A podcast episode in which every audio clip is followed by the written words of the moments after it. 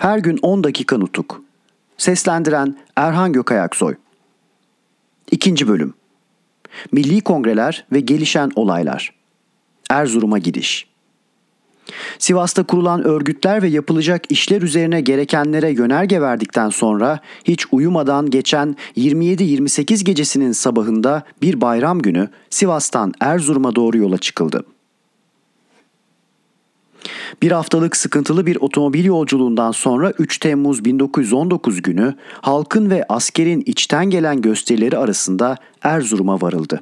İstanbul hükümetinden gelebilecek yıkıcı bildirimleri denetlemek ve durdurmak için haberleşme kanalı olan önemli merkezlerde gereken önlem ve düzenleme alınması için bütün komutanlara 5 Temmuz 1919 tarihinde buyruk verdim. Komutan, Vali ve Vilayat-ı Şarkiye Müdafaa-i Hukuku Milliye Cemiyeti Erzurum Şubesi ile görüşüldü. Vali Münir Bey İstanbul hükümetince görevinden çıkarılmıştı. Gitmeyip Erzurum'da kalmasını bildirmem üzerine daha Erzurum'da bulunuyordu.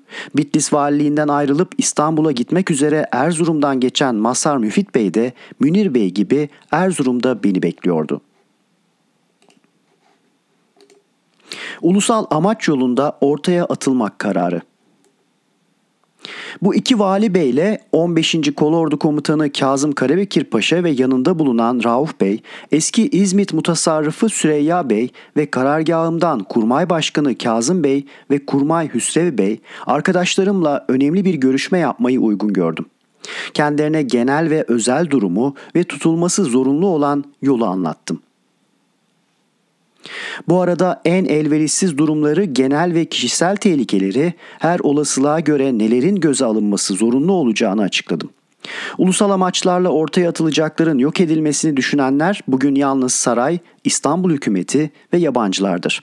Ama bütün halkın aldatılabileceğini ve bize karşı duruma çevrileceğini de düşünmek gerekir.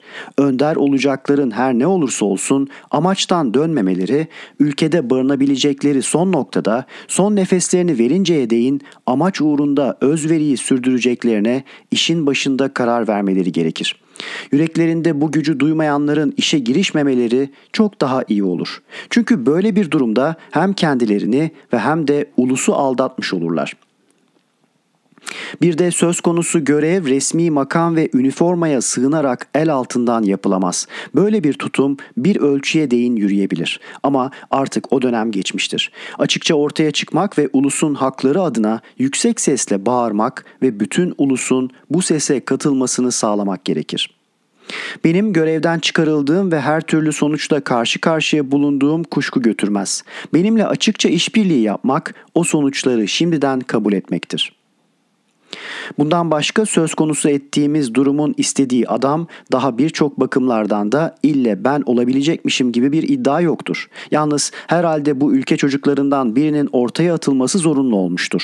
Benden başka bir arkadaş da düşünülebilir. Yeter ki o arkadaş bugünkü durumun gerektirdiği yolda yürümeyi kabul etsin dedim.'' Bu konuşma ve açıklamadan sonra hemen bir karar almak uygun olmayacağından bir süre düşünmek ve özel konuşmalar yapabilmek için görüşmelere son verdiğimi bildirdim. Yeniden toplandığımızda işin başında benim bulunmamı istediler ve kendilerinin bana yardımcı ve destek olacaklarını bildirdiler. Yalnız bir arkadaş Münir Bey önemli özrü dolayısıyla bir süre için kendisinin fiilen görev almaktan bağışlanmasını rica etti. Ben görünüşte görevden ve askerlikten ayrıldıktan sonra şimdiye değin olduğu üzere üst komutan imişim gibi buyruklarımın yerine getirilmesinin başarı için temel koşul olduğunu söyledim. Bu da eksiksiz onaylandıktan sonra toplantıya son verildi. Baylar İstanbul'da Genelkurmay Başkanlığı katında görevden ayrılan Cev Cevat Paşa ile göreve başlayan Fevzi Paşa'dan ve Barış Hazırlıkları Komisyonu'nda çalışan İsmet Bey'den başlayarak Erzurum'a gelinceye değin her yerde gördüğüm ve karşılaştığım komutan, subay, her türlü devlet adamları ve ileri gelen kişilerle burada Erzurum'da yaptığım gibi görüşmeler ve anlaşmalar yapmıştım. Bunun yararını değerlendirebilirsiniz.'' Erzurum Kongresi hazırlıkları. Erzurum'a varışımın ilk günlerinde Erzurum Kongresi'nin toplanmasını sağlamak için gerekli önlemleri almakla uğraşmaya önem verildi. Baylar Vilayet-i Şarkiye Müdafaa-i Hukuku Milliye Cemiyeti'nin 3 Mart 1919 günü bir çalışma kurulu meydana getirilerek kurulmuş olan Erzurum Şubesi Trabzon ile de anlaşarak 1919 yılı Temmuz'unun 10. günü Erzurum'da bir Doğu İlleri Kongresi toplamaya girişti. Benim daha Amasya'da bulunduğum günlerde Haziran içinde Doğu illerine delege göndermeleri için öneri ve çağrı mektubu yolladı. İllerden delege getirtilmesi için o günden başlayarak benim Erzurum'a varışıma değin ve ondan sonra da bu konuda olağanüstü çaba gösterdi.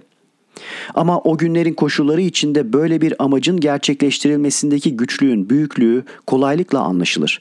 Kongrenin toplanma günü olan 10 Temmuz yaklaştığı halde illerden gerekli delegeler seçilip gönderilmiyordu.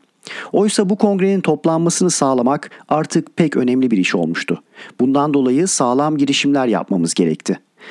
İllerin her birine bildirimler yapmakla birlikte bir yandan da kapalı tellerle valilere, komutanlara gereği gibi bildirimler yapıldı. Sonunda 13 gün gecikmeyle yeterince delege toplanması başarıldı.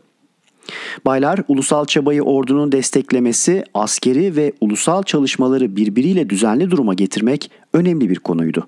Trabzon'daki tümeni komutan vekili yönetiyordu. Asıl komutanı Halit Bey Bar Bayburt'ta gizlenmişti. Halit Bey'i gizlendiği yerden çıkarmak iki bakımdan gerekliydi. Biri ve en önemlisi İstanbul'a çağrılmanın ve bu çağrıya gitmemenin korkulacak, gizlenilecek nitelikte olmadığını halka ve özellikle askerlere göstererek iş gücünü, iç gücünü yükseltmek gerekiyordu. Bir de kıyıda önemli bir yer olan Trabzon'a dışarıdan bir saldırı olursa oradaki tümenin başında ateşli bir komutan bulundurmak uygun olacaktı. Bunun için Halit Bey'i Erzurum'a getirttim.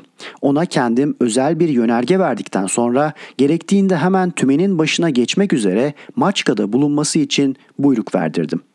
Biz bu işlerle uğraşırken bir yandan da İstanbul'da Harbiye Nazırlığı makamında bulunan Ferit Paşa'nın ve padişahın İstanbul'a dönmemi sağlamak için sürüp giden aldatıcı tellerine de türlü karşılıklar vermekle zaman yitirmek zorunda bulunuyorduk.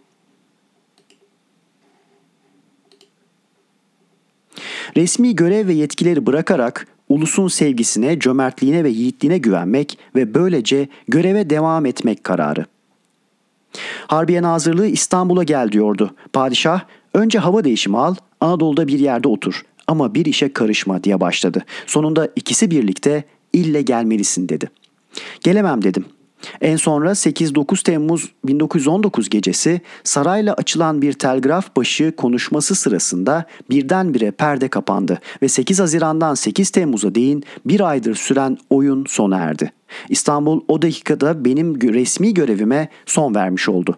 Ben de o dakikada 8-9 Temmuz 1919 gecesi saat 10.50 sonra da Harbiye Nazırlığına saat 11 sonra da padişaha görevimle birlikte askerlik mesleğinden çekildiğimi bildiren telleri çekmiş oldum.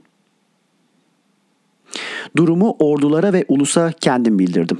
O günden sonra resmi görev ve yetkiden ayrılmış olarak yalnız ulusun sevgisine, şefkat ve cömertliğine güvenerek onun bitmez verim ve güç kaynağından esin ve kuvvet alarak vicdan görevimizi yapmaya devam ettik.'' Biz 8-9 Temmuz gecesi İstanbul ile telgraf başında konuşurken bunu başka dinleyenlerin ve bununla ilgilenenlerin de bulunduğunu kestirmek güç değildir. O günlerde ve ondan sonraki zamanlarda en hafif deyimiyle bönlüklerini uyanıklık ve öngörüşlülük gibi göstermeye alışmış olanlar üzerine bir bilgi vermiş olmak için izin verirseniz şu belgeyi olduğu gibi bilginize sunmak isterim. 140-140 Konya'dan 9 Temmuz 1919 saat 6 3. Ordu Müfettişliği Başyaverliğine. Telgraf ve Posta Genel Müdürü Refik Halit Bey ile Konya Valisi Cemal Bey 6-7 Temmuz gecesi telgrafla makine başında konuştular. Konuşmanın şu yolda geçtiğini öğrendim. Mustafa Kemal Paşa Hazretleri için gereken işlem yapıldı. İstanbul'a getirilecek. Cemal Paşa Hazretleri için de işlem yapılmak üzeredir. Konya valisi de teşekkür ederim dediler. Paşa Hazretlerine uygun göreceğiniz biçimde bildirmenizi rica ederim. İkinci Ordu Müfettişliği Şifre Müdürü Hasan her gün 10 dakika nutuk. Seslendiren Erhan Gökayaksoy.